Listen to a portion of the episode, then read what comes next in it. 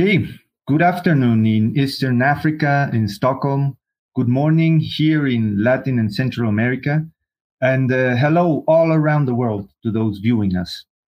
Welcome to this first version of Global Voices, an online dialogue space where Forum Civ wants to gather voices from civil society actors around the world with the purpose of pro- promoting exchanges of experiences and initiatives within civil society to face different challenging issues.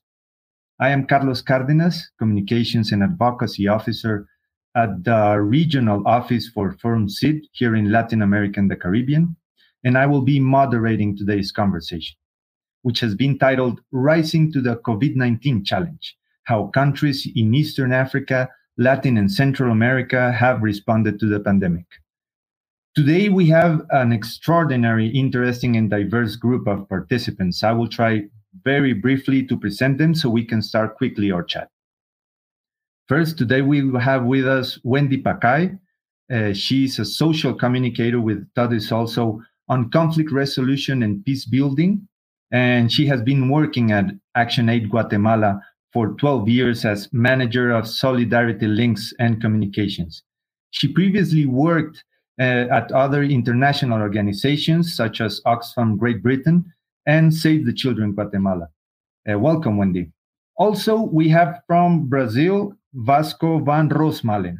He's a political scientist with 20 years of experience in development methodologies with a focus on creating innovative tools and partnerships for development financing and implementation with a focus on private sector partnerships. Currently, Vasco is the executive director and founder of the Brazilian organization Equipe da Conservação da Amazônia, ECAM. Welcome, Vasco. We also welcome Daniela Gomez, political scientist, international consultant, researcher, and co author of several books about the Colombian social and political situation. She is interested in the application of multi scale, multi agent analysis frameworks for the study of systems of prolonged armed conflict, organized crime, and corruption. Currently, she is coordinator of the democracy and governance area of the Colombian organization Fundación Paz y Reconciliación, PARES. Welcome, Daniela. And from Kenya, we are glad to have with us Betty Okero. Betty is a governance practitioner working on human rights, governance, and access to justice with vast experience working with communities, movements, and the state, focusing on strengthening democracy, respect for human rights, especially for women, youth, people with disabilities, and marginalized communities.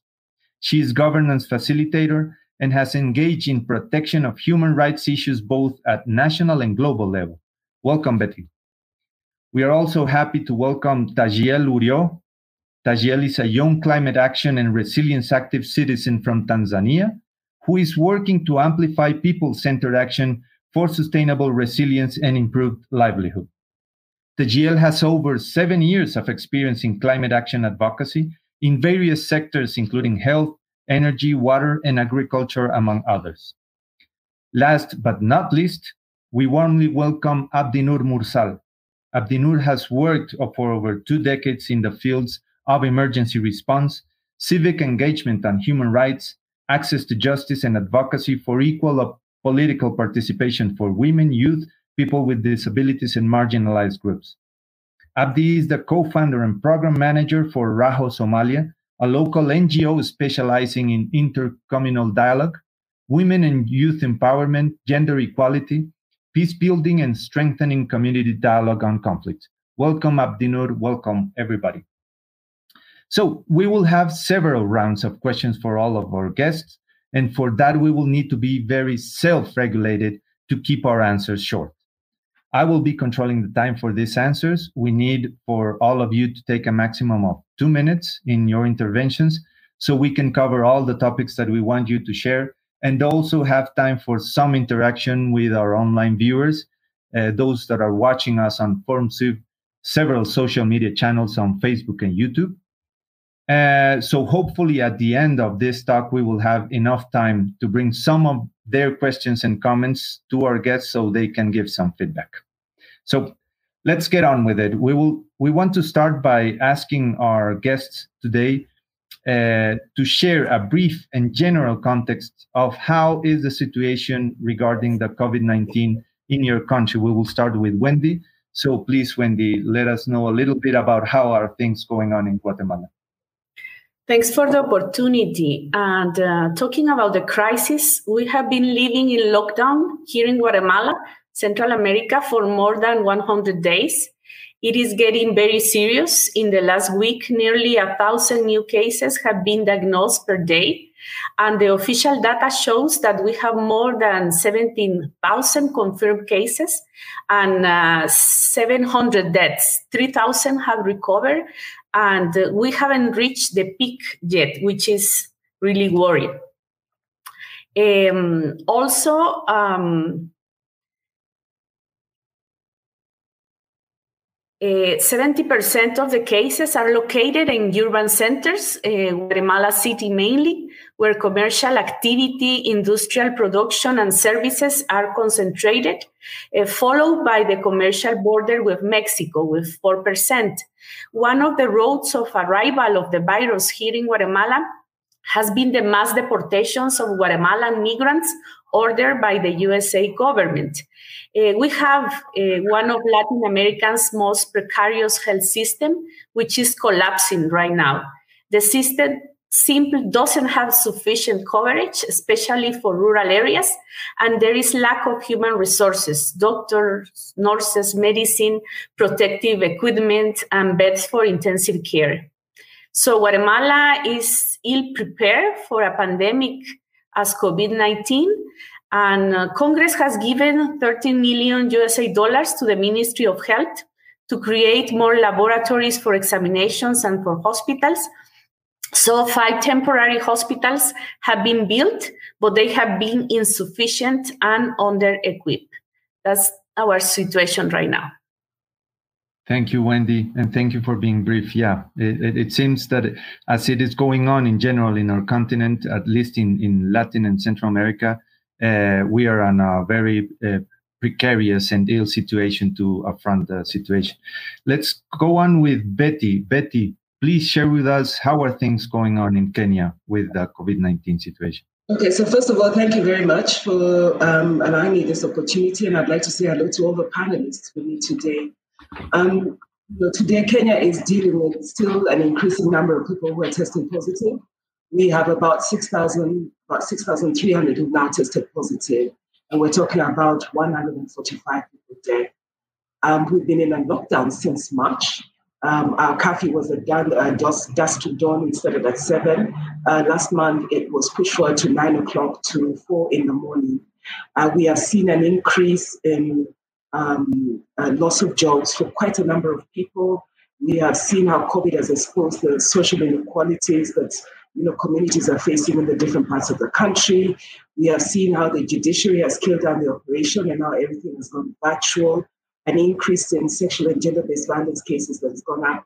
And only just recently, as late as I think two weeks ago, we saw this massive number of teenage pregnancies because of the fact that we've had schools on lockdown since March when you know, everybody was ordered to, to work from home.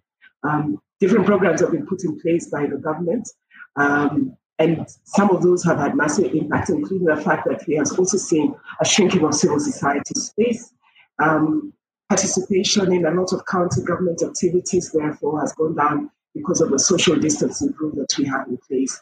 Media is also becoming accessible, whereas we say that we've innovated and started to use IT we also recognize how it has also become exclusive because of the inequalities that I talked about, where not everybody has access to electricity, to bandwidth, and to water and sanitation programs as well. Thank you very much, Betty. Uh, we will develop a little bit more this this uh, uh insights that you've been sharing uh, in this first question. Uh, let's go on with Daniela. Daniela, please share with us how is the situation in Colombia right now. Well, first, I, want I want to thank Forum Civ uh, for facilitating this talk and invite me to participate and say hi to my panel colleagues. Well, right now we have 95,000 confirmed cases of COVID 19 and 3,200 deaths. Just yesterday, with 4,100 new cases, Colombia was the eighth country in the world in infection and also eighth in number of deaths. Uh, on the other hand, uh, we are rising our diagnosis capacity. So uh, the government has said that this can be affecting the, the increase of the confirmed cases. The curve has been growing since the relaxation of the lockdown in the country during the first weeks of June, and the intensive care units in some regions uh, regions already reached 100% occupancy this month.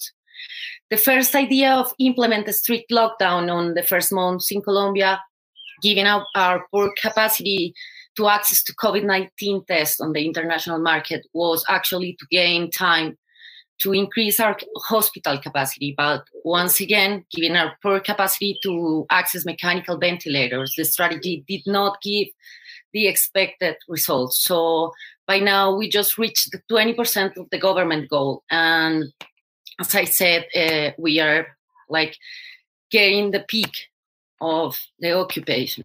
Um, the relaxation of the isolation measures right now uh, seems inevit- in, in, inevitable for some experts, given the economic crisis that is experimenting our country right now.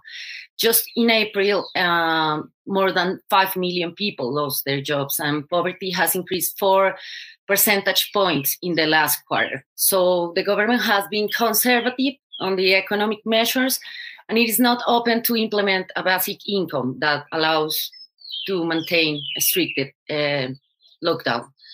And for now, the picture seems to be getting worse, and we don't know any clear routes from the government to contain the situation, actually. Yeah. Yeah, thanks, Daniela. Um, let's move on to Tajiel. Tajiel, please let us know how are things going on in Tanzania. Okay, uh, thank you so much for the opportunity.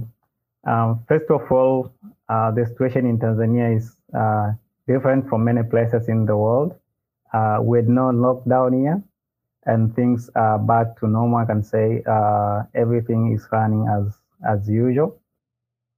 With the with the number of uh, measures to to to to contain the virus, but uh, the way we responded is quite different because we, uh, the schools and are closed, but now they are reopened. From the data, which is not really available in the uh, the timely data that are not available. The last data we received were from uh, April 2019, where we had the number of uh, 509 cases and 21 deaths. So recently, from end of April to now, we have no uh, data about the number of uh, cases, number of deaths. So the way people interact, the way business uh, going, it's like uh, with no pandemic in Tanzania. You can say that. So people are so relaxed about the virus. They are so relaxed about the, the infection and everything. Uh, there are some precautions uh, in public places, like uh, any communication from the Ministry of Health, washing hands, using sanitizer, as well as uh, wearing uh, mask. But not everyone do that because I can say the fear of coronavirus is very low in Tanzania. Mm-hmm. And and it doesn't yeah. feel like in the health system is being at risk right now. Okay, for now it's it's hard to to determine that because we don't have data. Uh, mm-hmm. may, maybe whether to for you to judge the system is collapsing or not. But if you visited the hospital, of course, I have been around the hospital in the past week, but you can see the number of um, patients. You can see the, the, the, the flow of people like mm-hmm. uh, unusual, you know, you know. So it's just quite normal. Okay. Okay. Thanks, Tajiel. Yeah. Um, let's go on now to Brazil.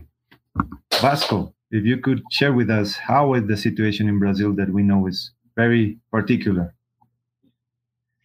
Hi everyone. Thank you, Carlos. Thank you so much for organizing this, and and thank you everybody for being here. It's a, it's a pleasure to be here, and especially because this is such a a South South forum, which I think is truly important in the way that we are looking at w- the way that the pandemic is affecting the world, and it's really interesting to be able to have these these differing um, insights into how different countries in the global south are affected or are being affected, especially because, as you know, the pandemic has a very different rhythm in each of the countries and and uh, regions where the uh, impacts. So on one side, it, that uh, creates a mixed picture, but on the other side, it gives us an opportunity to learn from those who are going through different phases of the pandemic, such as in Brazil, the pandemic started in big urban centers, uh, Rio, Sao Paulo, but also in the Amazon and the big urban centers of the Amazon and the Northeast, such as Manaus and Belém, which uh, are cities that have two to three million people populations, and they were tremendously impacted uh, in the first months of the pandemic.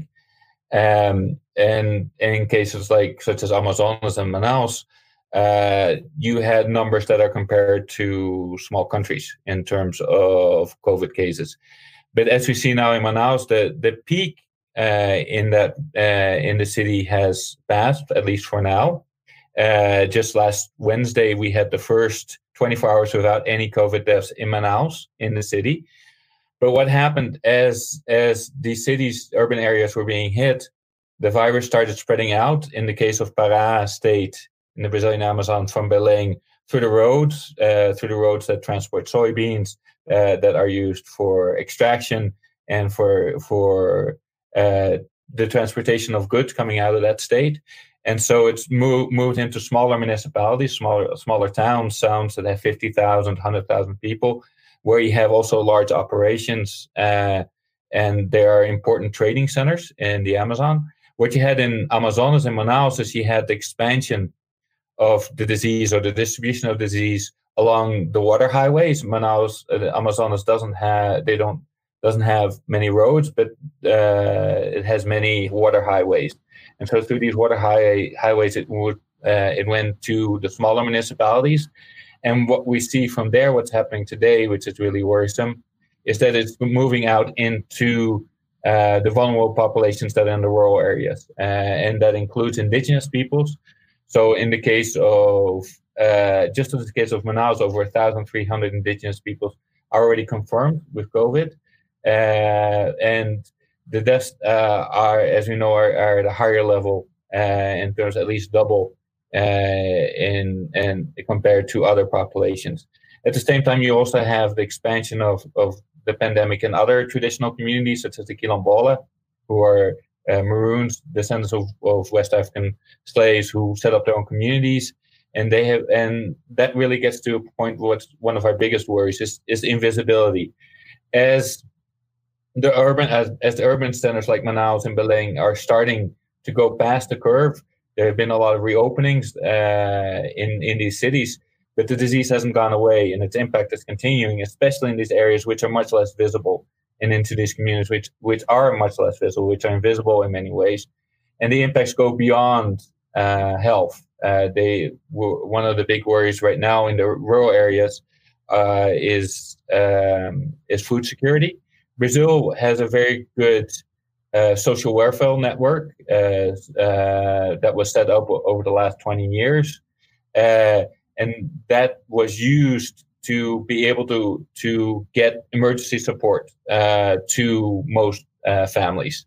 So even though there weren't large amounts of, of funds, uh, Brazil has been on a monthly basis distributing uh, resources to families who are registered in these um, in these programs. But one of the things that came out as they were doing this is that over 40 million Brazilians weren't registered every, anywhere in any of these programs. And so, how can they access? So, we had, yeah. for example, a support to communities in these rural regions where, in order to sign up for a program like this, you need to have a cell phone with not only internet coverage, which sometimes you have, but also with a cell phone coverage because you need to be able to receive a text message.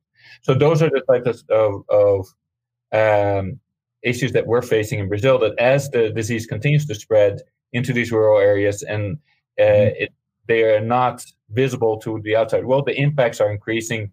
And specifically in terms of food security is one of the ones that we are most worried about. Okay. Uh, okay, we, yeah. As I've heard you say before, Brazil is a continent of different countries. So we can spend a whole converse, a whole webinar talking about Brazil, and and it, it's a really complex country. Um, I understand, and, and our viewers have to understand that, especially your work and your organization deals with the northern part of the country, with the Amazonian region mainly.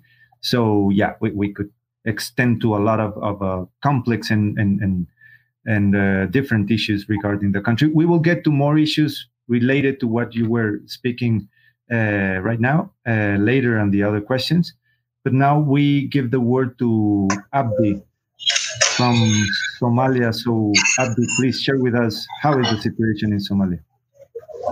Thank you. Thank you so much for having me. Uh, I think the situation in Somalia is more worse than uh, uh, many of the panelists have said, because as you know, Somalia is just uh, coming out from the civil strife and mayhem of 1990s. Uh, uh, country apart from the COVID-19, we are struggling with the pandemic of locusts and floods due to the rains.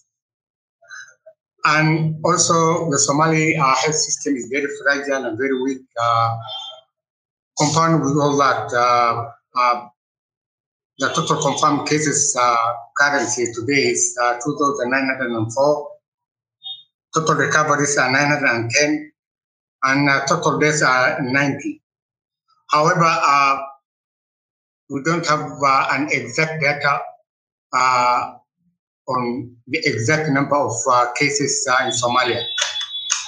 Uh, since uh, many parts of Somalia is under the control of the extremists and is a no-go zone, uh, also the government capacity is too weak uh, to get, I mean, to get data throughout the, the country. So that is how the situation is in Somalia. Uh, the COVID-19 uh, pandemic uh, has affected not only uh, the livelihood of the Somalis, uh, but also due to the political anticipated election of 20, to, to 2021. You know that 80% of Somali livelihood depends on either remittance and casual labor uh, of which uh, both are very well, I mean, uh, majorly affected by the COVID-19. Uh, remittance from the outside world, uh, because of the lockdown from other countries, uh, is now having a very big toll on the food, uh, food security of uh, every household. Secondly, unemployment because uh, restriction of movements, lockdown by air, by land, you know, the supply chain uh, of the basic food items uh, is already uh, not there. So those, that is the effect economically. Politically, Somalia is anticipated to have an election in 2021. However, because of this lockdown, a lot of legislation, uh, like uh, the finalization of the, the election law, uh, the draft constitution, uh, the 30% woman quota, many of those legislative issues are still pending because of this decision of uh, non-assembly. And therefore, that is the situation in Somalia. Thank you so much. Thank you, Tajiel. And yeah, you bring up something that, that we can see that in, in, in, in general in our countries, uh, we have this tension between the economical impacts uh, of the of the of the virus but also the health impact and the, the impact of the health systems, how they are not prepared in general in our countries. Maybe I, I can I can consider that Brazil has, at least in some regions and in some cities, a different situation there. But then uh, our, this this is related to our next question, and uh, we can start with Betty here uh, to talk a little bit about Kenya, and this implies about the measures the governments are implementing facing the COVID 19 crisis. And here I, I want also for you to share like the different levels of government if there are some kind of tensions between local and national governments or is there some uh, good coordination and a syn- synchronized way of dealing and handling the situation in policies and in, in different kind of measures all right so there's been a number of activities that have taken place, and, and right from the beginning, I want to say that a lot of this have actually been spearheaded by the national government. So, for the benefit of others, Kenya is uh, has got 47 independent yet um, counties, and every single county has got its own allocations and has its own leadership elected by the citizens uh, every five years.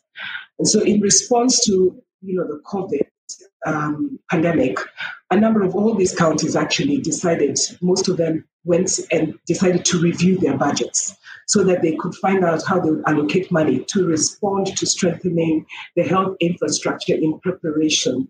Because at the beginning, when this came out, it was that it was going to be either you fix it, you will die, and that having a health, uh, an effective health system was necessary to be able to address the impact of COVID.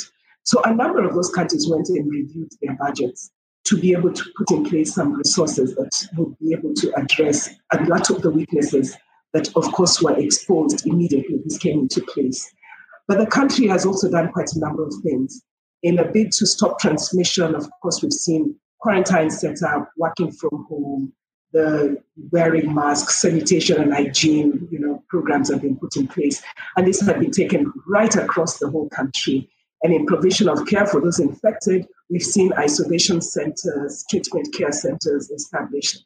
Um, part of the argument that was given for the lockdown was that as we were strengthening our systems and ensuring that we were prepared for handling the impact, there was therefore the need to be able to shut it down so that it gave counties an opportunity to be able to put in place a system. Um, last month, um, as the government was reviewing whether to open the lockdown or not, one of the reasons they gave for the extension was that counties had not been sufficiently prepared um, in terms of their health systems to handle the impact, and therefore we got another extension. The national government has been able to allocate money to county governments to be able to see how they can also improve. Uh, but it must be said that uh, because of the emergency laws in place, it has been very difficult for us to be able to monitor and track and even understand how much money has been put and where that money has gone to. So, generally, what you get is that we are responding to the impact by ensuring that we have systems in place. Um, the other thing also that the government did was that it closed down its borders. You know, mm. airport borders and the borders that we have. So coming in has become very difficult. But also the other East African countries have also closed their borders. So that is something that we're able to see. So Kenya, like most of the other countries, applied a sort of mirror response to what we were seeing in the Western world. Um, but then, of course, closing of the borders has its own impact for people who engage in business across. But the idea was that you stop the spread because that has been the general um, uh, justification for that. But there are also other things that they put in that really have been good. There is a pilot program to be able to address the economic uh, challenges that people have. So we do have money transfer programs that is given to uh, you know vulnerable groups, women, widows, um, persons with disability. And of course, there are questions being asked about the identification process and how it's been done. The government has also put in place certain uh, job programs for people in the informal settlement where they work on a, a cycle of about three weeks. And then you've got a new lot that comes in. And the idea is to make sure that you have as many more people that are able to have a few, you know, money in their pockets. And this is to ad- address, you know, the fact that we are seeing more than, you know, 50% of, of population in Kenya who have lost their jobs. Um, and then, of course, finally, we also have got, um, you know, the immediate response that was uh, affected right when the government started. And we got to see um, police brutality. And, and um, in the first couple of weeks, you know, we were talking about people who were being beaten, people who um, were being uh, taken into quarantine centers, and as a form of punishment, they were then, you know, they had to pay to be able to be in those quarantine centers. Their only uh, reason for being there was because they had broken the law. So, you know, and in, in the process of all this police brutality, Kenya was able to record at least more than 20 people who died as a response of, as a result of the police response. Uh, there has been changes in terms of the fact that the violence has gone down, but it has not been completely eliminated. Whereas we started with our curfew at five o'clock to um, from seven o'clock until five, we now have a curfew that is on from nine o'clock until four. But we've also seen that they have reduced the movement across counties. So there are certain counties that are on complete total lockdown. And the reason being was that they wanted to see how they could contain uh, the COVID uh, response and management and not allow for the spread to other areas. Okay, thank you very much. I want you to keep that idea later because we will be talking a little bit uh, also about specifically human rights and this the the, the impact on different kind of uh, freedoms also of mobilization of speech. So we will we will we will have the chance to extend a little bit on, on that that you're talking about. So keep that there. Uh, let's go back to guatemala. Let's go to wendy uh, to see how has the guatemalan government uh, implemented some measures on this situation uh, since March, a state uh, declaration of public calamity was approved here in Guatemala, which limits constitutional rights and facilitates state purchases. So, closure of borders by air, sea, land, only commercial transit is allowed. Total closure of schools and universities for more than three months now. Shopping, recreation center, no public transport in all the country. Suspension of all social, cultural, sporting, religious, political events. Uh, interstate transit uh, of people is banned too for the most affected states, which are five. And the curfew is from 6 p.m. to 5 a.m. every day nationally. And on Sundays, no one can leave the house uh, nationally. On March uh, 25th, the government approved the emergency law to protect Guatemalans from the coronavirus pandemic, which allocate funds to cover programs for health, employment, security, the economy, and the elderly. It also ordered health authorities to provide funds for hospitals and health centers and to spread information on the pandemic in the Mayan languages all around the country. However, until a few days ago, this budget continued without being executed, and medical personnel working for the hospitals have recently complained about poor working conditions, and uh, some doctors, nurses have died.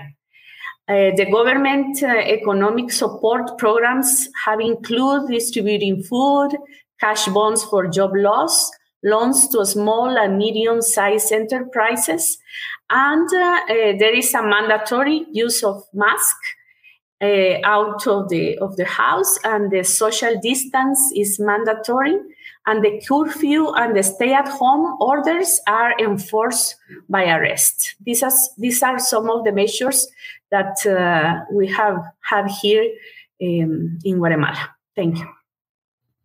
Thank you, Wendy. Uh, let's move to to Tajiel. Let's go back to Tanzania. Yes. How is the uh, Tanzanian government dealt with the situation, Tajiel? So the way we responded, uh, the way the government of Tanzania responded to this pandemic, uh, as I said earlier, is quite different. Uh, we saw the COVID-19 as a matter of uh, economic issue uh, when you compare it to health issues. So uh, for that basis, with no lockdown, uh, with no any other restriction in terms of uh, internal movement and mobility, so that kind of things.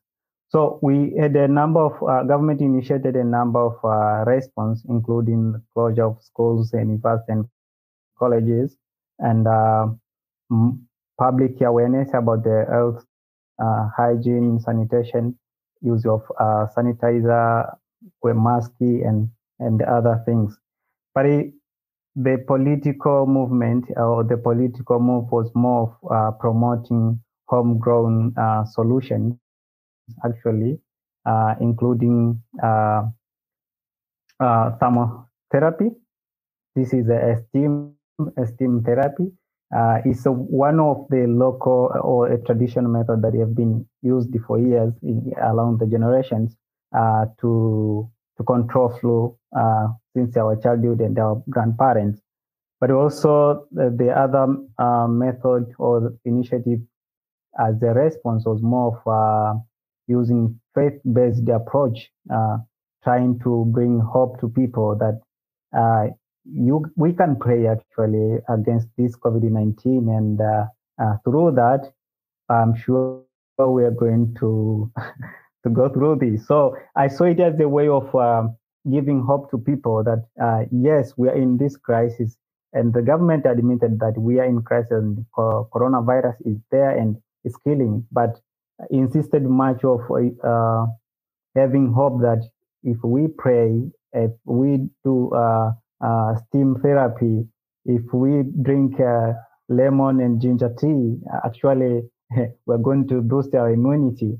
And at the time, there was a um, a mass use of uh, vitamin C. Uh, it was even you can go even to pharmacies and find it's sold out because people were using products that can emulate their immunity to to to be able to uh, to to to fight the virus. But also mm-hmm. we had uh, other, of course, our border were closed, uh, airspace, uh, land was not really closed. We were all open. We were we were doing a business with our uh, neighbors, including Kenya. But there is a number of issues uh, mm, when it, it happened to that the issue of having data uh, people when they travel to other countries uh, if they're infected or not. But that was uh, solved bilateral by having a high level meeting with the respective countries. Um, so what happened? Uh, it made everyone in Tanzania to see this uh, COVID-19 as a matter of himself or herself with the with the with the virus. So the level of awareness, the level of um, being ready to fight against uh, the virus was more of on individuals know that I'm, I'm responsible for my health. I have to take precautions. I remember at one time during the early days, uh, the regional commissioner of Dar es Salaam city, where I reside, and it's a, it's a commercial city of uh, around 7 million people, uh, asked the mass that you go and meet your sit with your family and agree and make a just make a, uh, a kind of uh, precaution as a family put some in place some principles that you and your family uh, what are you going to do against the coronavirus how are you going to protect yourself because we can't lock down the country because of for the economic reasons we can't lock down the city which is dar es salaam the largest city in tanzania because of coronavirus things need to go eh? business need to, to continue and mm. life will be there. So, and one of the argument actually, which was, uh, I can say was more visionary, this, uh, the argument would say that the coronavirus will be there just like other diseases like HIV. So we should learn how we're going to live with it. Because if we do lockdown and this uh, COVID-19 didn't disappear, how are we going to re, re, rebuild our economy? How are we going to rebuild our family after that long period of time? Uh, saying so, we've seen the impact actually, uh, despite of this hope and other things. There are confirmed the impact. I mean, uh, in terms of lives of people and other unconfirmed. So you can't judge whether this death was caused by coronavirus or not. But it, those who um, announced the 21 uh, deaths were announced by the ministry uh, from 29 April. That was end of April. Since then, we have no uh, updated figure on the case of uh, coronavirus. But yeah, it, it's it's, it's yeah, it's, it's an impact. Really. Yes, yes, exactly. So uh, the way it is, uh, it's more. For, uh, it was the Ministry of Health was leading the campaign, making sure that the mass and the institution and private sector actually supported a lot of um, these initiatives, making sure that the, the public have a facility to wash their hands, their facility to to to use sanitizer and and that those kind of things in the market, in the grocery, and that kind of thing, because everything was running as normal. Okay. Yeah. Thank you. Thank you, Tajiel. I think now we will have a contrast as we bring Daniela to share with us how the Colombian government and the local governments within Colombia have been implementing measures related to what uh, Tajiel just shared with us. So, Daniela, please. Uh, well, first of all, we, uh, we have to say we have three levels of government in Colombia national government, department, or state governments, and municipalities. Uh, but state government has not like that power as municipalities have. So the main tensions between authorities have been between municipalities and national governments. Uh, so um, from March 6, when we have the first case reported in Colombia, uh, the, go- the national government has introduced more than 20, 120 laws. So it is very difficult to civil society, even for Congress and judicial branch, make control of them. Uh, the main uh, response to the pandemic was, as in the rest of the world, the lockdown.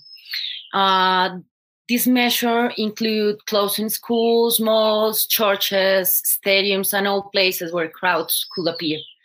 Also, the government implement protocols for virtual, virtual work and homeschooling.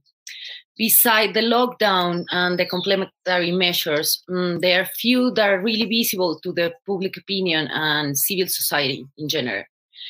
Uh, it has been approved a rent of $50 per month for during three months for almost 6 million people. But actually, we have 12 million people on their poverty line, and our minimum range salary salary range is around $250. So it is like not sufficient to cover the lockdown or maintain the lockdown. Also, the government has approved credits for entrepreneurs that, as our organization and the media reveal, has benefited the large ones and have had a little effect on unemployment that, as I said before, is increasing during the pandemic. Few reforms have been made in the health sector.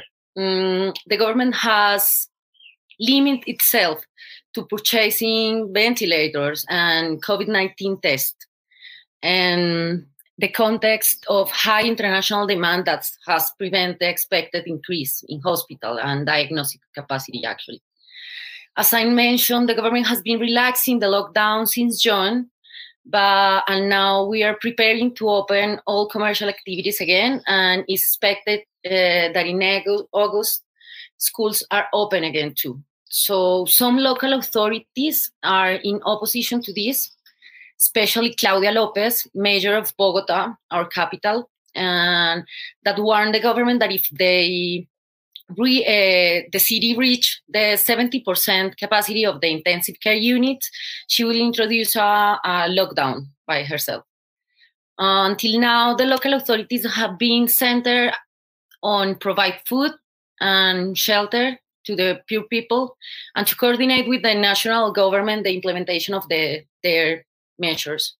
Some of them also are introducing measures to deal with secondary or other secondary effects of the pandemic as domestic violence, for example. Uh, mm-hmm. but actually, they are limit.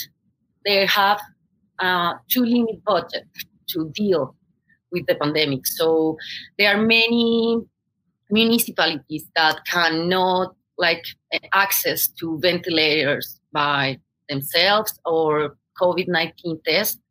So the management of the crisis is very centralized by the national government.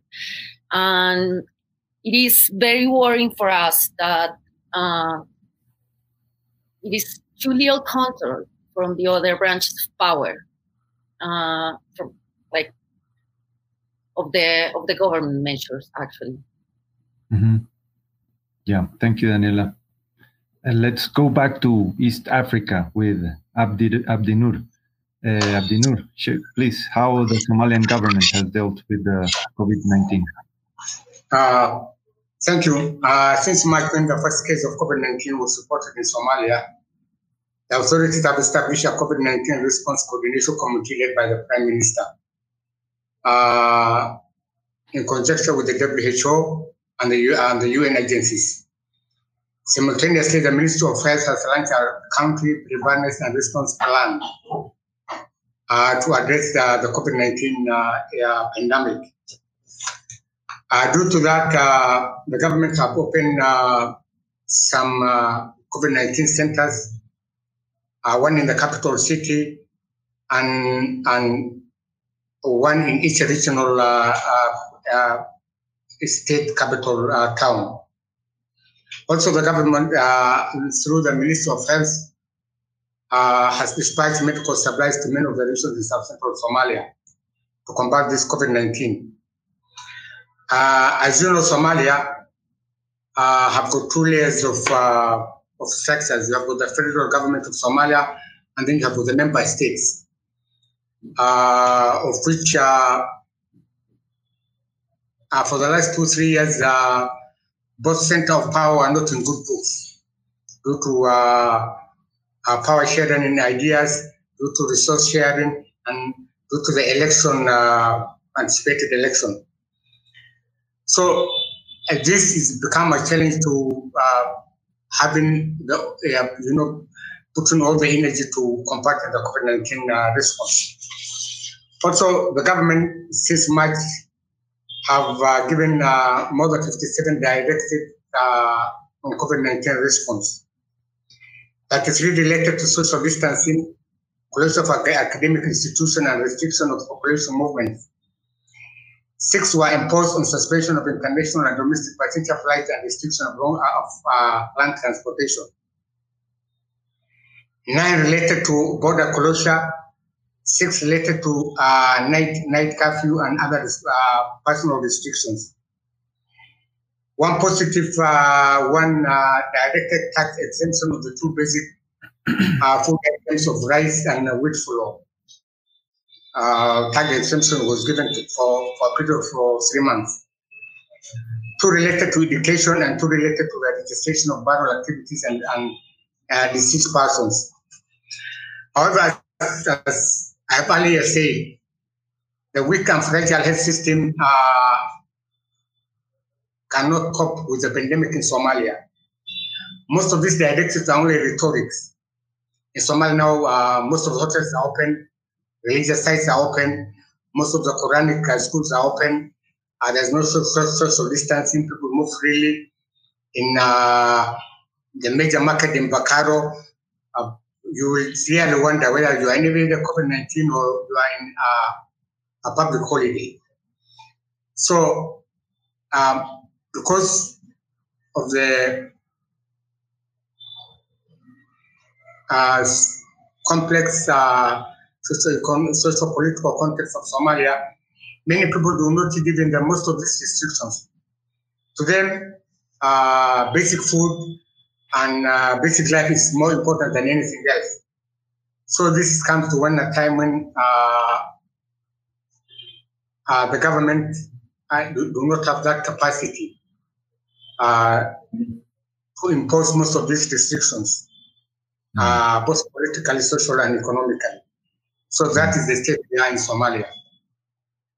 Thank you. Thank you, Abdinur. Uh, Vasco, please share with us how has been the situation in Brazil with the measures implemented by the government and mainly by the regional governments of the states that your organization ECAM works with.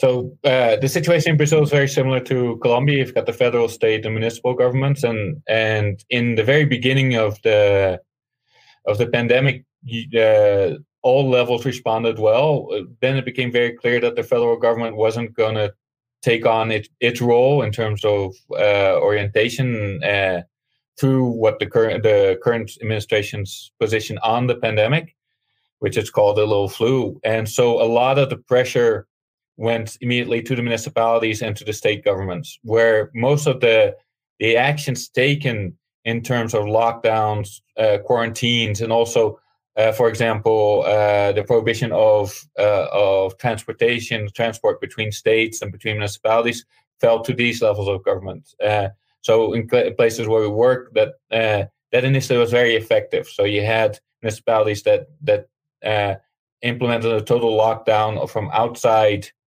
preventing people to come in from the outside, and we were able to keep infections down initially.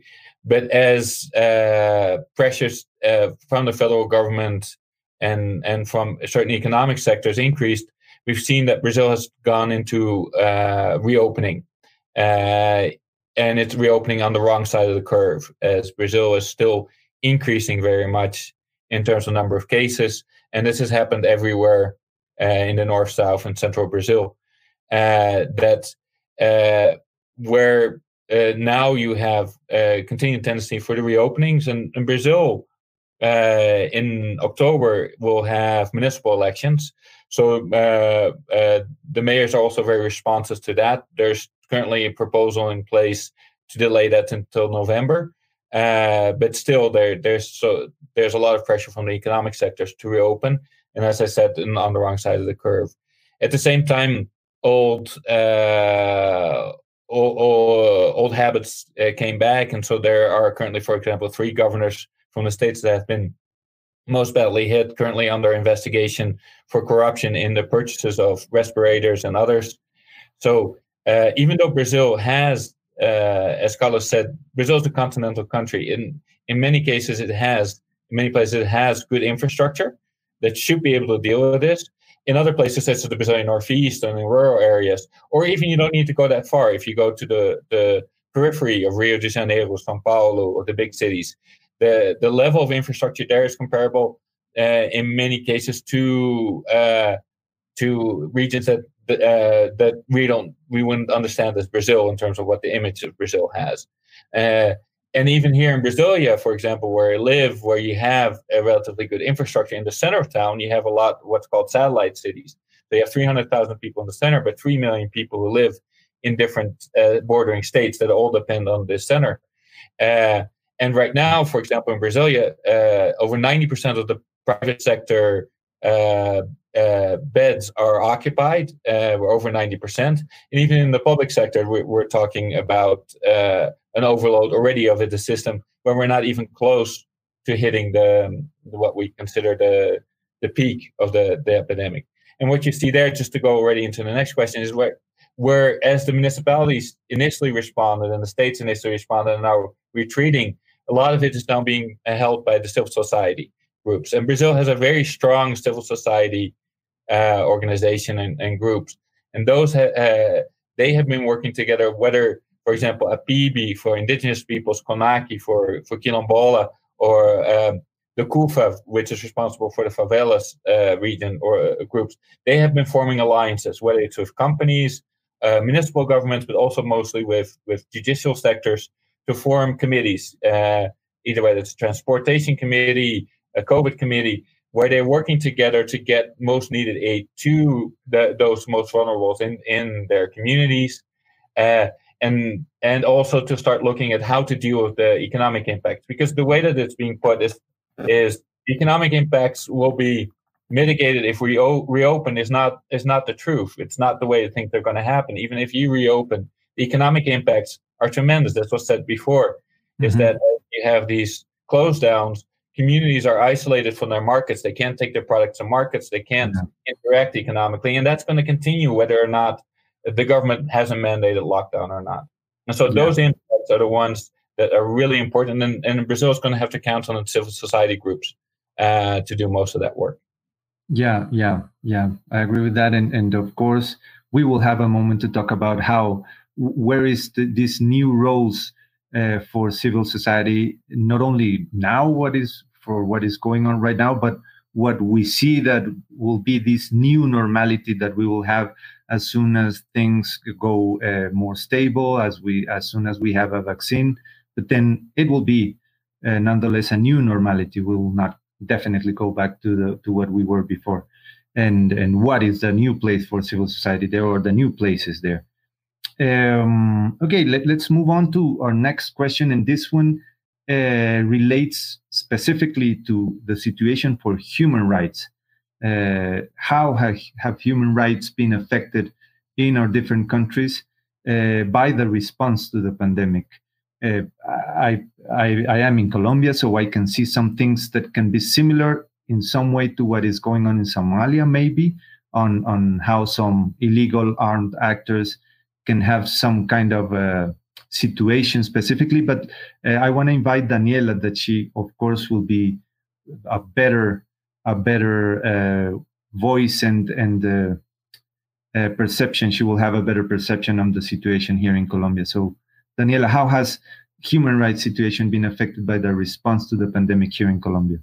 Mm, well, we have like many views from the situation actually because like there have been uh, different human rights uh, affected because of the response to the pandemic. First of all, as in the rest of the world, it appears to be a criminalization of the poverty, right? Uh, since the economic measures of the national government and local governments too came two and three weeks later uh, Uh, after the lockdown, there were many people, especially working on the informal sector, who had to violate it to get food and pay for shelter.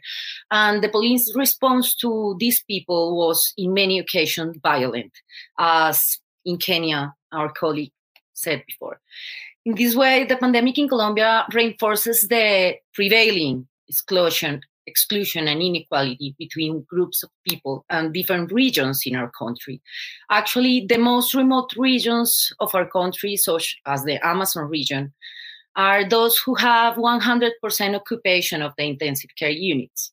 In Bogota, the hospitals in the south of the city, uh, where they are mostly inhabited by people with limited resources, are also uh, at their peak, while the hospitals in the north, where the wealthy people of the city live, are mostly with low occupation levels. As worldwide, uh, women are the most affected population by the pandemic too. Uh, four out of 10 households in our country are run by single mothers. Many of them are informal workers and are under poverty line. So the lockdown added, added to the suspension of their children's schools period has made it difficult for them to access basic goods and services. On the other hand, uh, domestic abuse has risen since the lockdown, and now many of the victims have to have been forced to stay at home with the perpetrators. And there are not many measures to respond to this. Uh, well, and since the lockdown, also more than 10 former combatants from FARC and 38 human rights defenders have been assassinated and according to uh, this according to the united nations. And in some region with armed conflict and organized crime pre- uh, prevail the lockdown measures have been implemented actually by the armed groups and criminal groups. There has been people assassinated for violate the rules and other community, communities are confined with no possibilities to escape the control and they have had problems with the supply of basic goods because of the confine. Mm-hmm. And many of these communities are also being attacked by the military forces during the lockdown, given that the government has introduced once again, it, were, it, it was suspended, uh, the forced eradication of coca, of coca crops, crops in which this community works. So, like the human rights situation is very difficult right now in Colombia. And the control of the cri- uh, criminal groups and armed conflict groups uh, are actually getting worse. Mm-hmm. And this is uh, like the worst situation is living in the frontiers of the country. Yeah, yeah, we will get back to to that uh, later. We can we can talk a little bit more about that situation with migrants and refugees here in Colombia, but also in, in other countries that have the same uh, situation. Uh, thank you, Daniela. I want to move now to Tajiel uh, to, to, to know a little bit of how in Tanzania, despite that the coronavirus seems to be not a big deal for you there, uh, how has the human rights situation been affected in some way by the response and by the, the COVID 19 crisis there? Uh, with our response at the, the government, the incidents and of uh, human rights violation are not really reported widely.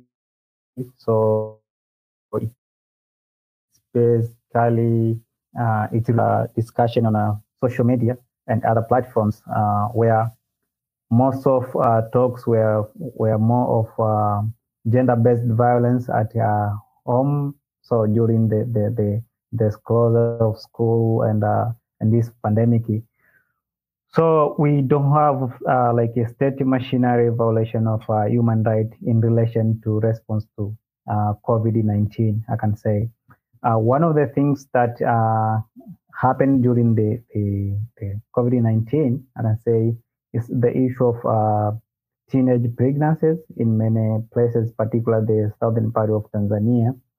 And these teenagers, they can't go back to to school to resume their, their formal education. Let's say they were in secondary education, they can go back to uh, school because of the uh, of the policy that we have right here. So uh, that's the one of the things uh, which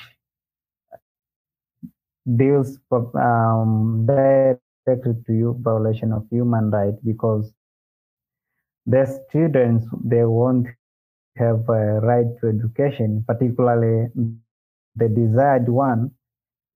They may go to another system or other uh, form of education, but they can't resume their studies because of uh, uh, teenage pregnancy. That's what we, we, I can say for now.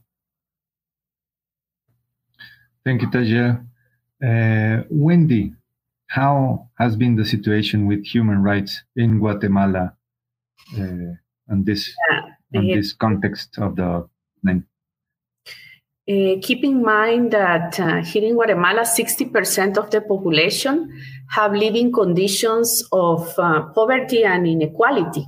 So um, we have um, an economic system based on land grabbing by extractive enterprises and agribusiness. And there has been an expulsion of youth peasant that migrates to the United States to sustain poor families through remittances. Uh, and given the economic crisis in the United States, the undocumented Guatemalans are among the most vulnerable to the economic impact of the COVID 19 crisis in the USA, where they work as uh, day laborers and don't have access to benefits at all. So it is logical that remittances are dropping and is affecting our economy badly. And in the other hand, millions of Guatemalans work in the informal sector. More than 50% uh, make less than $3 per day with no savings and already very high rates of chronic malnutrition.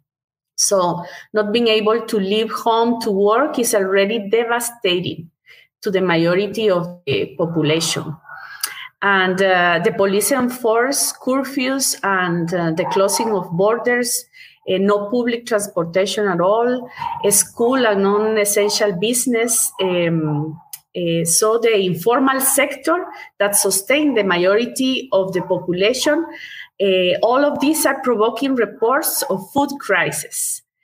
Um, also, there is a high level of racism and discrimination here in Guatemala for centuries against indigenous people, which represent 50% of the Guatemalans. And there has been lack of access and quality of education uh, for them. And during this crisis, particularly, for example, these children, uh, indigenous children, Mayan children living in the rural areas are not studying at all they don't have access to computer, internet, and uh, so they haven't been uh, studying at all. And uh, it's different from the children from, from Guatemala City and urban areas. So also something that also has happened is that uh, during confinement at home, domestic violence reports have risen. Uh, but the strict enforcement of curfew and measures means that defenders also are unable to respond to these um, uh, domestic violence um, issues. And human rights defenders on their street are unable to move to uh, feel more vulnerable to attack, and some are reporting an increase and, uh, of harassment. So uh, there is also a loss of legitimacy of the authorities for corruption, human rights violations, cooptation of the state by business and criminal interests. Although there is a new government starting in January this year, uh, the situation are still present. So um, if the human rights uh, had been really bad here in Guatemala for centuries, now with this crisis is is worse. Mm. Yeah, definitely, definitely. And I also I also think, as you stated, that uh, corruption issues are were already critical uh, in the region and in many of our countries, uh, but now with this crisis, uh, it, it it it has exasperated like those practices and made the the situation probably worse and the response not as good as as we have wanted to be. Thank you, Wendy. Let's move on to Abdinur uh, to see how in Somalia uh, have human rights been affected by the response to the pandemic. Uh, thank you. I think the situation of human rights in Somalia uh, during this uh, COVID-19 pandemic uh, has been very worse. There was more than four deaths reported uh, which culminated uh, the, the, suspension of the uh, night curfew. Uh, there were arbitrary arrests, there were restriction of movements and gathering, and many of those uh, affected population were the marginalized groups. Uh, like the capital city hosts more than a quarter million IDPs and returnees uh, the, the brand of this human rights violation uh, one of those uh, the, uh, groups. Cases of uh, uh, GBV cases were reported. Uh, issues of uh, domestic violence, uh, attempted rape, uh, rape, uh, child exploitation. However, as I've earlier said, uh, access is and very important in Somalia. Many of these areas are very inaccessible, where uh, inaccessible uh, uh, by the organization or civic society. Uh, uh, the issue is about uh, and, and, and, the fear factor. You know, guys, in Somalia, everything is based on clan dynamics. That's why we have a the 4.5 political system. And so uh, most of the victims even do not report. So that means it lowers the number of reported cases. Also, there's the issue of the cultural and uh, uh, uh connotation uh, over some of these uh, GBV issues. Issues like a rape is sometimes a cultural taboo in many of the Somali communities. the victims, instead of coming forward and reporting may not do that because of that uh, taboo, one, or the fear factor, because she's probably a marginalized group or from a minority clan, and if she, uh, uh, I mean, take a point about the culprit, uh, tomorrow not only herself, but her family uh, may be at a loss. So, a Somali the security situation of Somalia has been worse. Mm-hmm. But COVID-19 has been more worsening because of these other additional restrictions. Many of the security apparatus have taken everything to their law, I mean, the law into, the, into their own hands.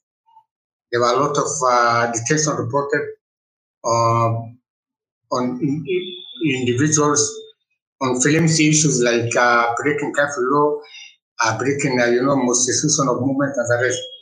So it is a grim picture in Somalia. Thank you so much. Thank you, Abdi. Um, um, let's move to Vasco.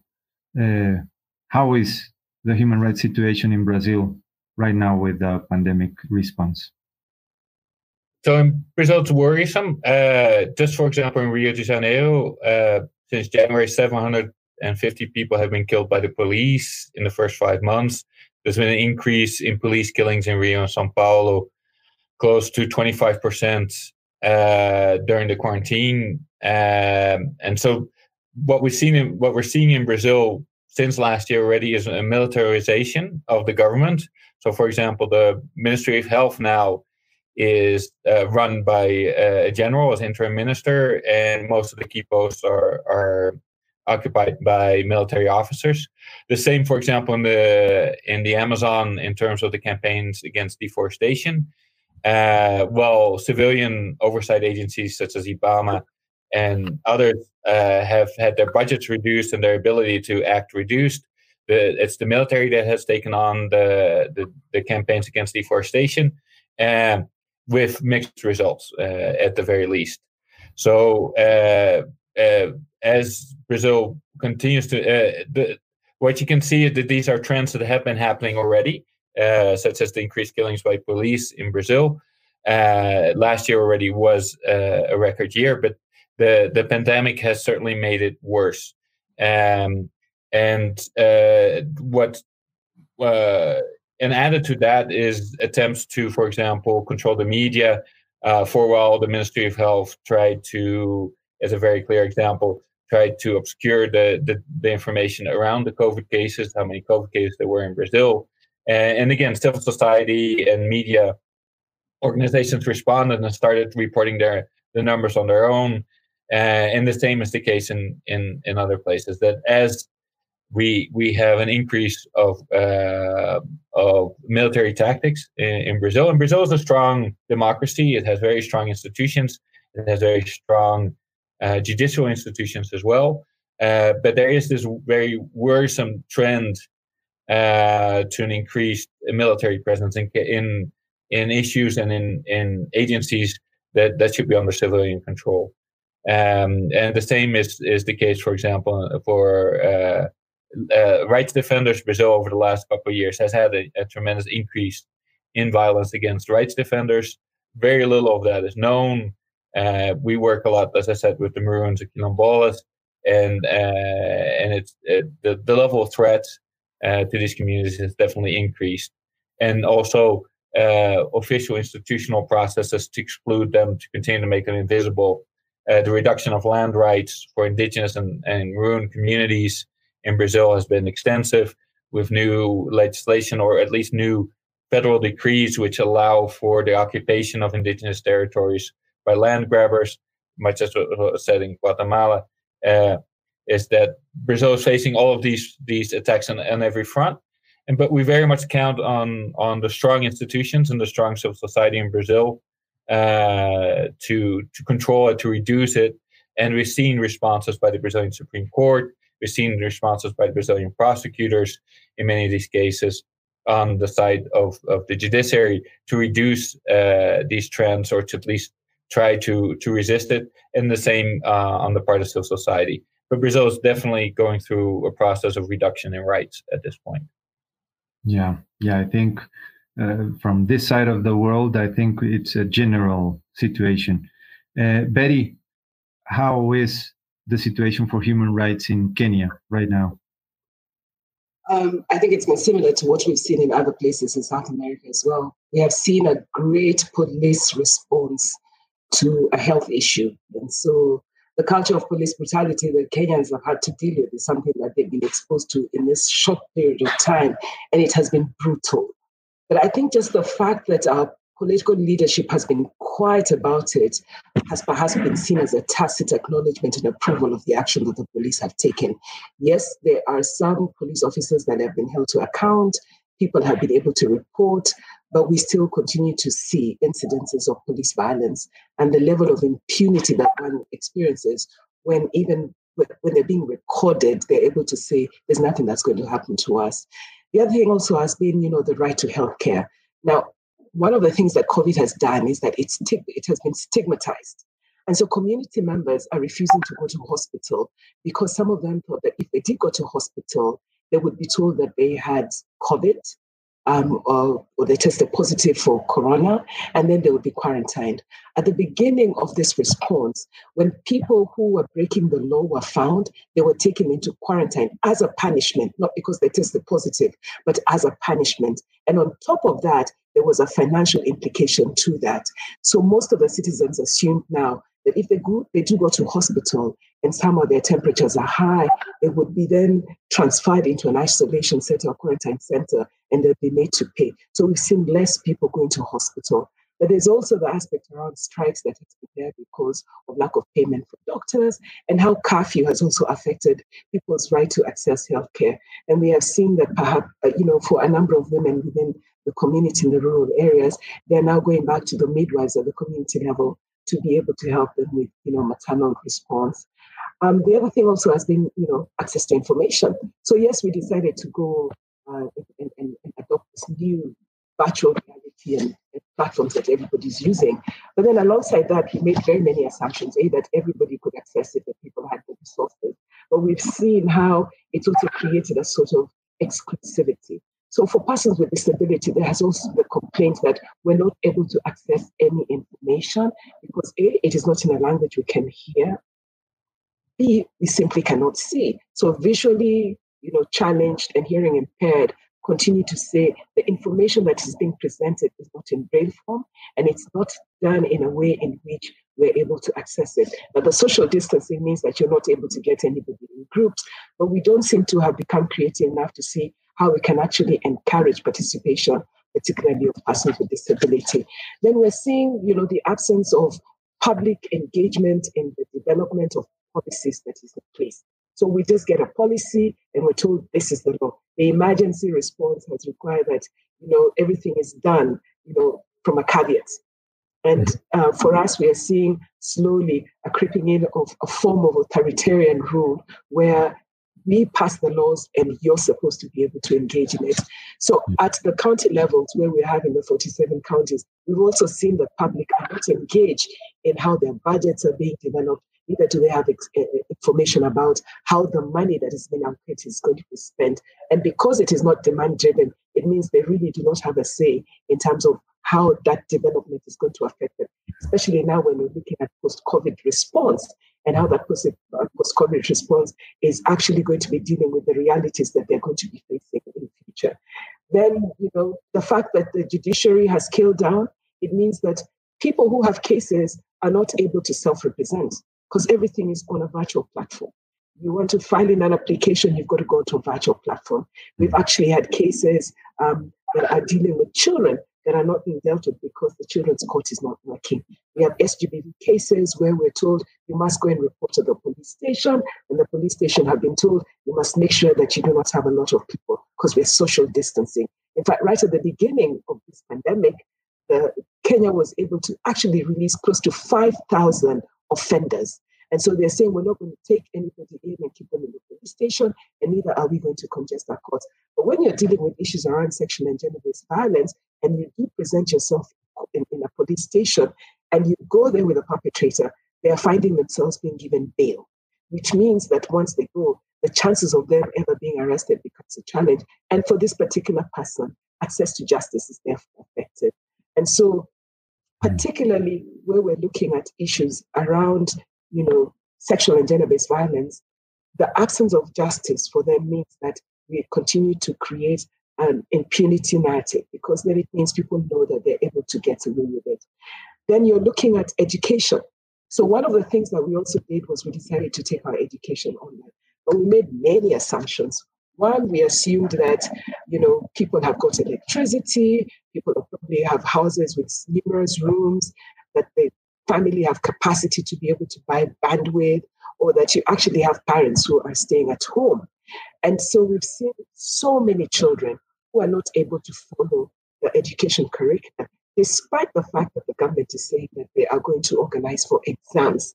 So you have people who have been completely unprepared against people who have got the means or have been able to continue with their education online, but all sitting the same examination and expecting that they're going to be able to say that the outcome is going to be fair.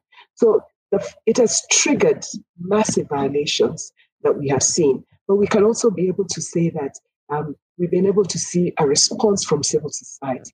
You know, the human rights defenders who have also had their lives threatened or they're intimidated just because they continue to monitor the shrinking of civil society space means that even as you want to engage in some of these issues, the absence of information, you know, the actually the fact that you're social distancing means that you cannot be, um, uh, you're not as productive and as useful as we actually were.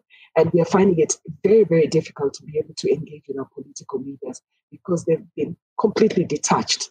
And whereas, you know, the country had a very thriving opposition, um, we've seen that completely going down. We're seeing an authoritarian rule that's slowly creeping in, where now we seem to just have one government, you know, speaking the same language, all in tune and in line with everything. So for Kenyans, the absence of that uh, leadership that can actually speak on their behalf is, is, is something that we, we, we're taking great concern about. Mm-hmm. Yeah, thank you, Betty. Yeah, I think that despite the, the, the, the position of the governments, if they're authoritarian or if they're more less authoritarian or more democratic, or if uh, we're prioritizing the economy or not, um, sacrificing it in some way, still this situation probably a general impact has been like um, increasing the gaps between social conditions for people uh, despite all those specific uh, context situations on on the specific governments and the specific measures taken so that's something that that can be i can still uh, see a little bit of from what you are all sharing now uh, i will jump now to probably our last question as we're running out of time, so we can have a little bit of time at the end to share some of the questions that our viewers are, are sharing with us. Uh, first, we will bring a, a, a, last question regarding civil society. And this is uh, in your context, how have you, have you seen in mainly your own organizations and, and your own network of organizations that you're part of? How have you, civil society, been responding to this situation specifically with human rights and humanitarian conditions in this context. And also adding to that, uh, what more can we do as a civil society to enhance effectiveness and reduce these negative impacts that, that the situation has brought up? So it's like two questions in one. How has been your response, and how, what else can you see that can be done uh, in the future, in the near future, to enhance this work that we're doing? I will start this with Wendy, probably. We can go with Wendy from Guatemala. Okay, in, in, I work for ActionAid Guatemala, and in our case, we have been supporting radio campaigns, mainly uh, in uh, local indigenous uh, languages, uh, to share all the guidelines to prevent and this, to stop the spread of, of transmission. Um, we have disseminate messages through radio, mobile speakers, social media uh, to increase all this awareness and uh, target especially remote rural communities. Um, we also have, uh, it's important for us the food, food security is very important, not only to distribute uh, food packages, but also seeds to plan and to make sure they will have a harvest in the future and um, only also for for for us we have been together with other civil society organizations and we have tried to to be organized and to exchange the community organization. Uh, it's really important that all the um, base local organization are exchanged.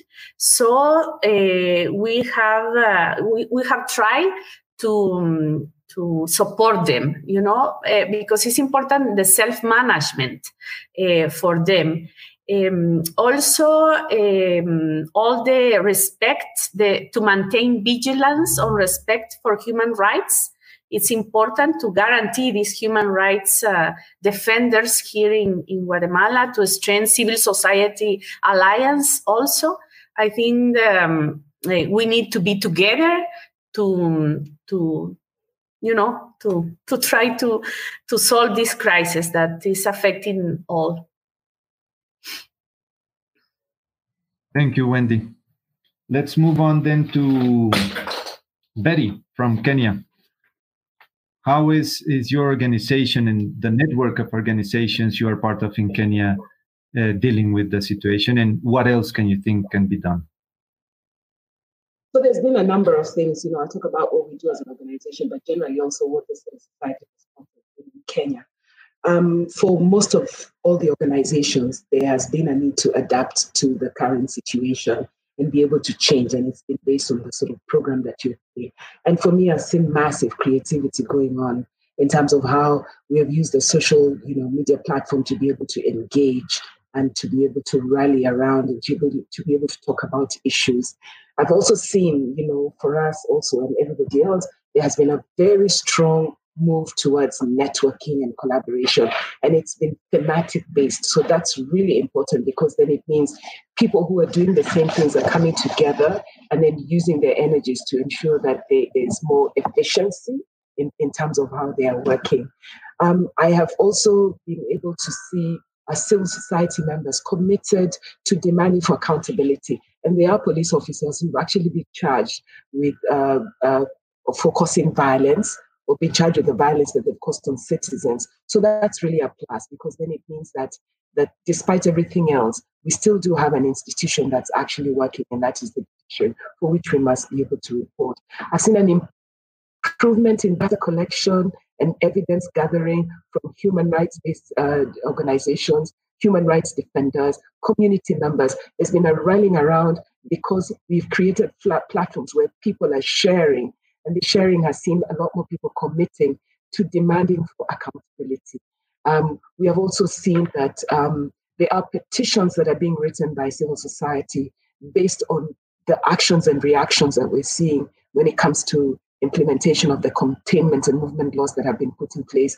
And a number of those petitions have come up with massive recommendations that we have seen adopted by the judiciary, some of it has also been, uh, you know, adopted by the Ministry of Health, particularly the one where they had decided that they were going to quarantine or quarantine was going to be used as a form of punishment for breaking the laws. So we've seen, hmm. you know, civil society organizations appending their signatures to some of these petitions and then sending this repeatedly. And then there's a capacity building process that's going on on the platform that has been extremely amazing.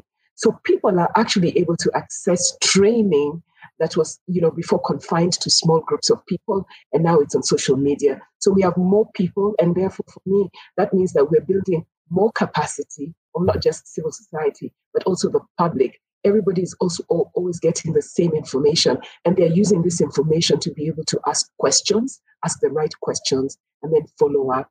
Um, the other thing also is that you know, you know, we've been able to use, you know, uh, as Wendy said, the local media, you know, using the local language to be able to break down the laws that the government has passed so that people can understand how they're working, to be able to talk about people's rights, to talk about responsibility of the state, and then just about reporting violations, creating linkages between citizens and independent institutions to support them to be able to ensure that they're able to get um, justice or to demand for accountability. And then also, you know, we've also seen civil society also strengthening their engagement with the state, especially at the county level. So members of the county assembly, we've seen that going on, and even some members in the executive. So that, that's really been a plus in terms of how um, we are trans we are transferring the way we the strategies that we've been using and changing it so that we're now starting to see how do we build partnerships to be able to address the challenges. Mm-hmm. Thank you, Betty. Thank you, Betty. Uh, Daniela, uh, Daniela, what has Colombian civil society been doing and how has it respond, responded to the situation? And what else can be done? Yes. Well, uh, solidarity in our country is rising more than ever, actually. There has been many initiatives carried out by the civil society to give humanitarian humanitarian emergency response to poor people, migrants, and ethnic communities. Uh, for example, some psychologists have organized to attend people for free. Doctors have set up uh, free online care channels to attend the minor cases of people who cannot pay attention or are at high risk of contag- contagion. Uh, and different social organizations are constantly monitoring the measures introduced by the government to warn of possible excess or violation of human rights. Likewise, uh, organizations like Fundación Paz y Reconciliación, for which I work for, are overseeing public procurement to deal with the pandemic. And so far, we have denounced uh, more than 300 contracts with cost overruns and other irregularities.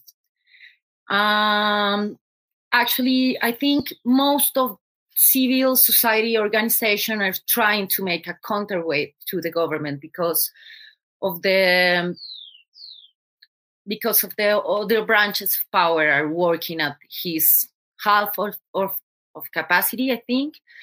And I think we should be changing the focus of the public debate uh, to the important things because right now the government has like occupied most of the debate on the social media and there are many things things scandals uh, that are like hide because of the pandemic. So uh, i think the more most important thing that the civil society organization can done in this pandemic is like trying to center the debate the public debate on the like human right violations and uh, authoritarianism that is rising in our societies right now.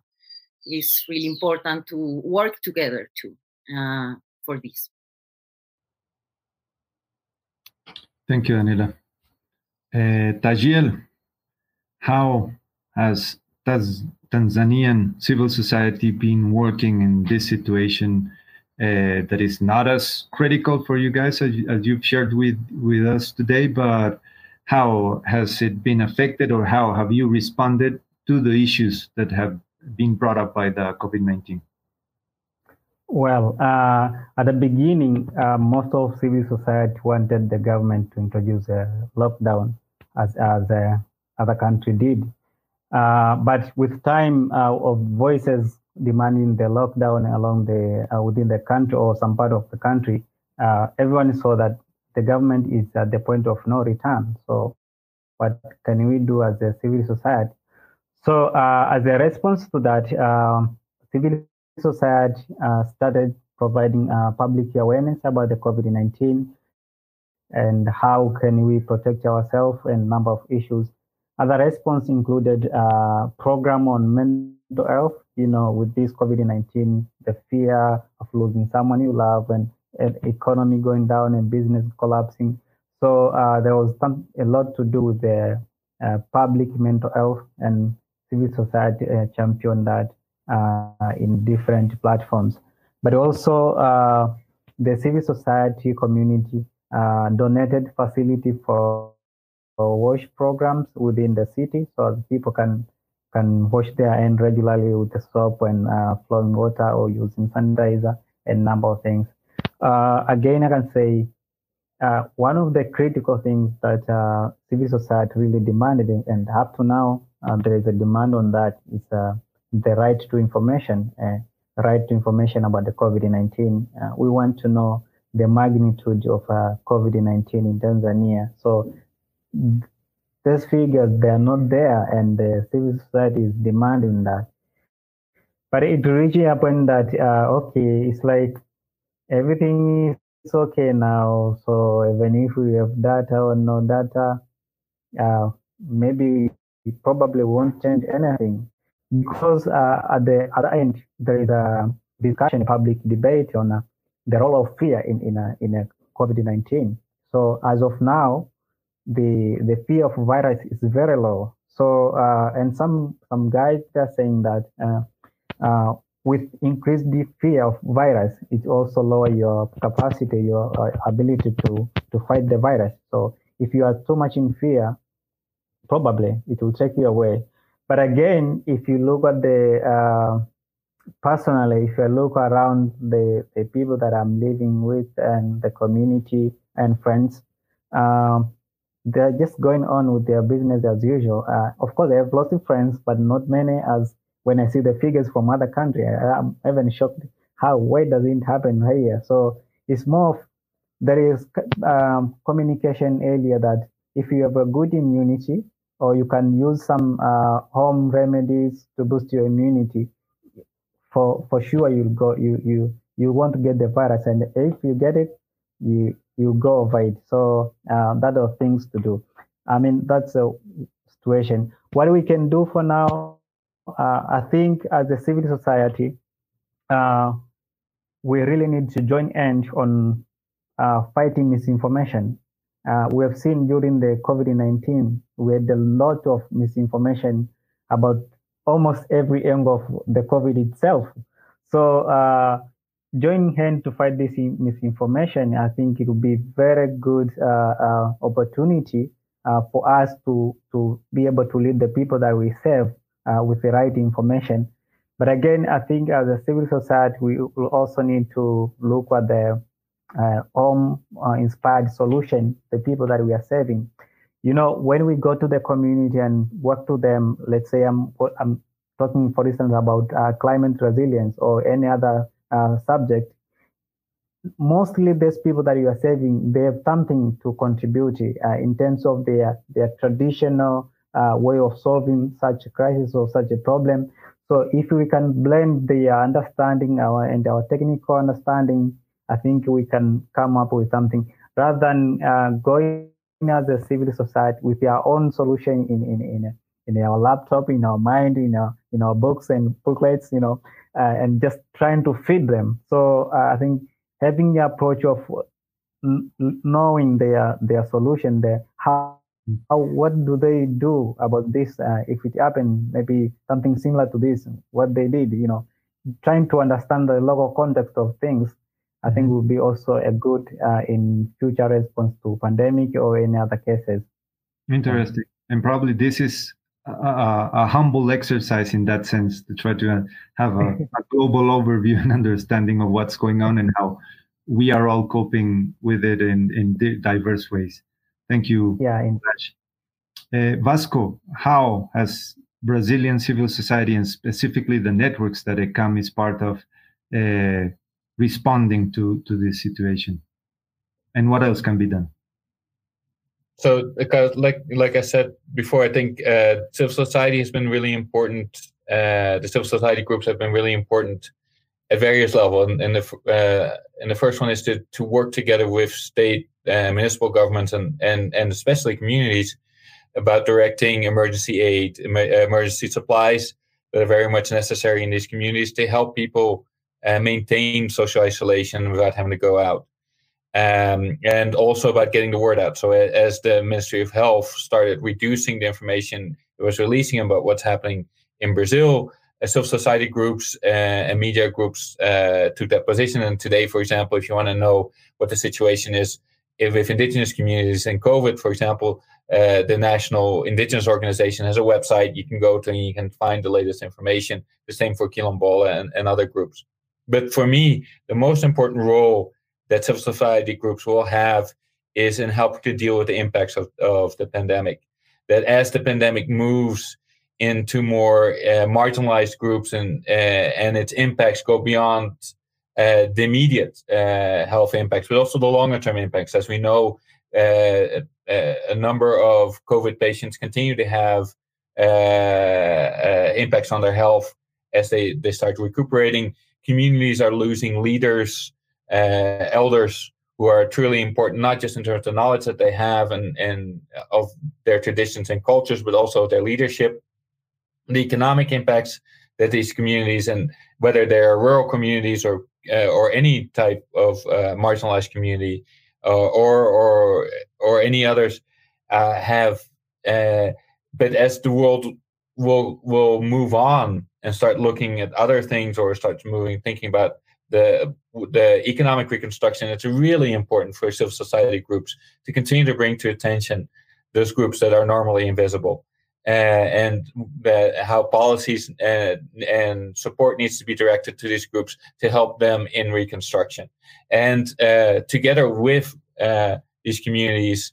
And as as a responsibility of civil society, is to look at for better solutions so this opportunity in terms of reconstruction is how can we reduce inequalities? How can we reduce the stress on, on our environment? How can we introduce more climate resilience, uh, for example, and all of these reconstructions. So the, the role of civil society groups uh, will continue to need to be expanded. uh, beyond the emergency uh, support that has been given, but to really be able to help uh, or assist communities in giving them voice in the reconstruction. Mm-hmm. Thank you, Vasco. Uh, Abdinur, how has Somalian civil society been responding to the COVID crisis, and, and what else can be done? Yeah, uh, basically, they were doing a lot of COVID 19 awareness creation through dissemination of information, uh, through radios and uh, social media. Uh, others were distributing uh, COVID 19 kits, hygiene and wash kits. Uh, for Raho, in particular, we have distributed hunger relief ration for emergency households. We have also decided to bring uh, together um, uh, many uh, other youth groups into one forum to advocate for, issues like political participation, COVID-19 awareness, peace building and reconciliation. We believe that COVID-19 is there, very unpredictable. Nobody knows when it will end. Uh, but uh, Somali is supposed to have an election in the next seven months uh, coming and uh, issues of political participation uh, for marginalized groups like uh, women, youth, and people with disability is very paramount. Uh, Somali Constitution Article uh, 22 says that everybody has got the right to be uh, elected or to elect somebody. But uh, as the political climate shows, and with this COVID-19 restriction, it seems many of those issues have been put under the carpet, and uh, uh, the COVID 19 is now becoming uh, everything. So we have decided uh, to go an extra mile and uh, through uh, Zooming, through you know Skype calls, Skype meeting to have people to have a civil engagement and civil education for many of those issues. Uh, the biggest challenges uh, for uh, those organizations that are distributing some of these uh, kits uh, is because of one, donor, donor fatigue in Somalia. Uh, secondly, access. Most of these areas are majority of Somalia is under the control of uh, other other groups, which is very inaccessible. The third group is that we know that uh, currently we are the air uh, transportation is not there, land transportation is not there, and because of the monsoon winds, uh, the vital uh, imports of Somali uh, is being brought uh, by uh, big canoes or big boats, which cannot be used at the moment because of the monsoon from the Arabian Peninsula. So, that is bringing another logistical constraint on most of the of the uh, civil society activities in Somalia. Thank you so much. Thank you, Abdi. Uh, I know we're already out of time, but but we still want to bring uh, some questions from from our viewers uh, that will be addressed specifically to some of our participants. We want to start with a question posted by Salim from Kenya, and it's addressed to Abdi Nur.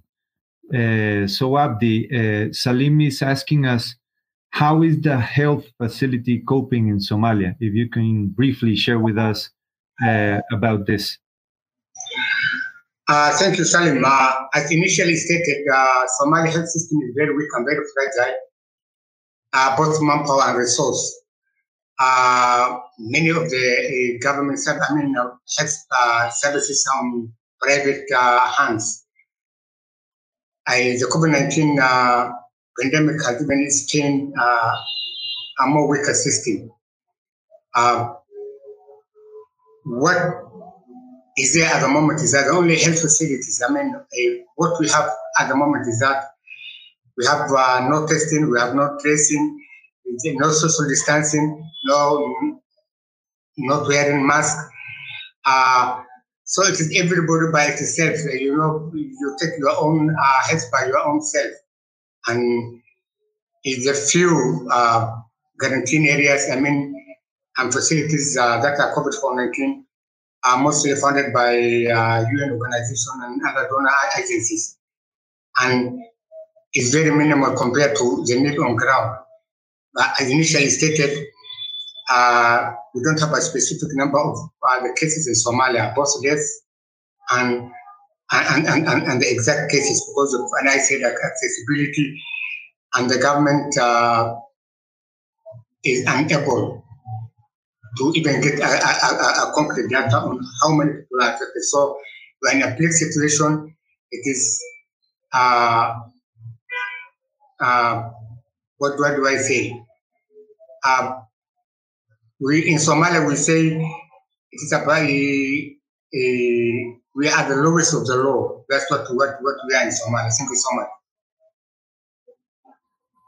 Thank you, Tajer. We have another question here, uh, which is addressed to Vasco, and uh, it we have from Kenya, from Kakamega. Sorry if I mean pronoun- I mean mispronounced it. Uh, Anne from Kenya. She wants to know why are cases rapidly increasing in Brazil and in South America countries. Uh, Vasco, you can answer, and maybe if Wendy or Daniela also wants to contribute after Vasco, uh, you're welcome.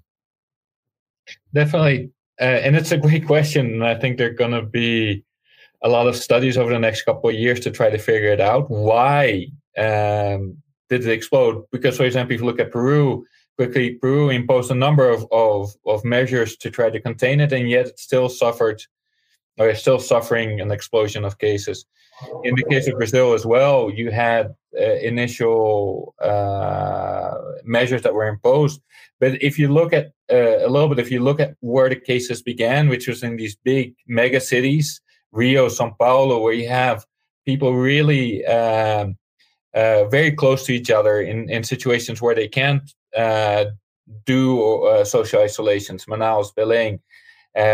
Uh, so where uh, so in these cases, people were just not able to to protect themselves, and yet these cities are are tied to uh, the rest of the country through transport networks, roads, and and rivers, and other highways, and and and planes, and others. So Brazil, as as as we've been saying, is, is such a huge country with so many different realities, but it has a lot of transport networks uh, that weren't shut down. And so, um, as, as, these these large cities uh, felt these cases, uh, and they weren't able to to respond quickly enough and to really impose lockdowns, and that's what what the discussion has been. That if you're a democratic society, can you really impose a lockdown uh, and how much uh, how how strong can you enforce it uh, and and in a sense that that also if you have the economic inequalities in these regions where uh, great numbers of people are simply not able to to self isolate and they depend on their daily income uh, and have to go out in, into society to, in order to maintain themselves. So all of these factors come together in, in countries like like Brazil um, and unfortunately, then uh, with reduced actions by the federal government in terms of lack of guidance, and in essence, uh, a, re- relaxation of of the, the policies that were in place while you were still on the wrong side of the curve as cases were increasing, all of that has come together uh, to create the current situation in Brazil, in in my opinion. But uh, it's a great question, and uh, like I said, we're looking forward to to understanding that better over the next couple of years. Unfortunately, we don't have much uh, much better answer than that right now. Yeah, I, I, don't know if, if Wendy or Daniela wants to complement something. Yeah, uh, please let's start with Wendy. Yeah, uh, we start early here in Guatemala uh, with the measures to stay at home and the lockdown and the curfew in March, early March. But uh, few Guatemalans were able to stay at home because um, many work in uh, in the informal economy and they need to go out to you know to to survive yeah and their families. So and also uh, many guatemalans didn't take it serious to, to stay at that can able to home and work from home. So i think this this happens too. And uh, uh, all the cases are concentrated in in guatemala city 70%. And uh, fortunately, in rural areas are not uh, many cases uh, because in urban areas it is not easy to, um, the, you know, the social distance too. So I think these these are what is happening here in, in Guatemala. Thank you, Wendy. Uh, Daniela, please. Um, yes, I agree with my colleagues. I think uh, the social isolation yeah, is like the main reason uh, of why our cases rapidly increasing in South American countries. Um, like we have two two aspects of that problem. Um, on the other on the one hand, we have like the measures taken by the government to keep isolation, but on the other hand, we have like the people cultures or uh, to self isolate. So uh, Peru is a really good example of that because Peru and Colombia uh, implement the lockdown at the same time, but cases in Peru were increasing much more rapidly than in Colombia. And it is it has to be, I think, with the capacity uh, of keeping the lockdown uh, because of the economic facilities or and also the capacity of the government to follow and like trace cases and isolate just that people. And there are many factors that are impacting these capacities. So i think as vasco said in the next years we we will have many studies that explain why in some countries uh, even when they take the, the, lockdown at the same moment uh, the curves uh, like were so different. Yeah definitely. We'll have a whole line of studies about the post-covid situation and what happened in this really particular and crazy period of time that we're living uh, we move on to a third and final question, and this one is specifically addressed to Betty. Uh, uh, it's from Caro Kaya, and she wants to ask how do we protect our children, especially those in the grassroots, during this pandemic, especially with rising cases of domestic violence and teenage pregnancies? Uh, please, Betty, maybe you have some insights on this question that Caro is bringing to us. Okay, so I am going to speak as a Kenyan, but also as an African. Um, you know, we have to revert back to indigenous uh, culture or knowledge. And at that time, it was the role of the grandparents in every single community or in every single homestead. And they had a responsibility, or they felt it was their responsibility to be able to see how they could nurture uh, girls and of course, you know, the, the grandfathers would also be able to do the same to the boys. Those structures have actually collapsed now, you know. And so for us to be able to deal with the imagine pandemic, because that's what it is, where we have recorded such high number of teenage pregnancies, we have to go back into you know meaningful education. How do we engage with the children in a language that is not seen as increasing opportunities or is not looked down upon. Because where we've wanted to have sexual education taught, because of what we're seeing now, there has been a hue and uproar about how we wanted to um, uh, influence our children to by exposing them to be able to engage in sexual activity. And yet we are witnessing what's going on. The other thing that we have to do is we must be able to address poverty reduction. A number of these girls that we're talking about, you discover some of them are actually out of school. Some of them are dealing with issues around sexual violence in, in their past. There's the whole aspect around substance abuse. And then remember that in some of our cultures, we're still dealing with the tradition of early marriages. Those play a key role in the teenage pregnancies that we're now witnessing. And for us to be able to address it requires a holistic approach where we are addressing why we you know, the whole issue that enables children to feel that they can engage in a sexual activity to be able to generate money, or where we are giving away our girls to be able to see how in return we can be able to get you know resources. But also just looking also at just having basic education for the families so that they're able to protect their children and be able to have conversations around you know sex and sexuality without necessarily being seen as somebody who is promoting sexual action or sexual activity for, for the girl or for the boy child as well. Thank you, Betty.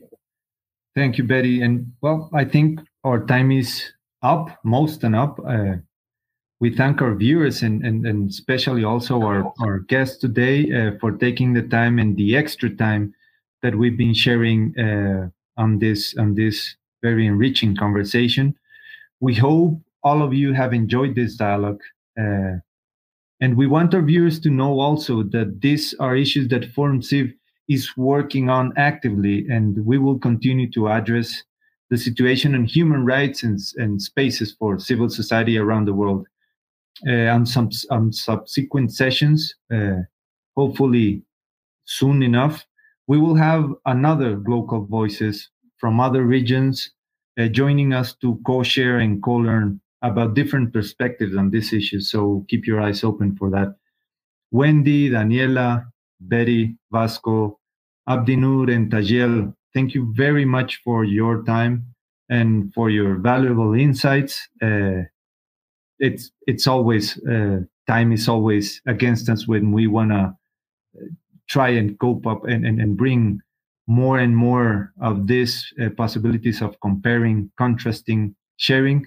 Uh, we are connected now, um, and hopefully our viewers also can can reach us and you uh, in in any case that they want to ask something or comment or just bringing these links that we need to to bring forward to make up this situation an opportunity uh, for social movements for civil society in general uh, to advocate and to act for transformative agendas in the world and in our regions. So thanks for watching. Thanks everyone. And until next time.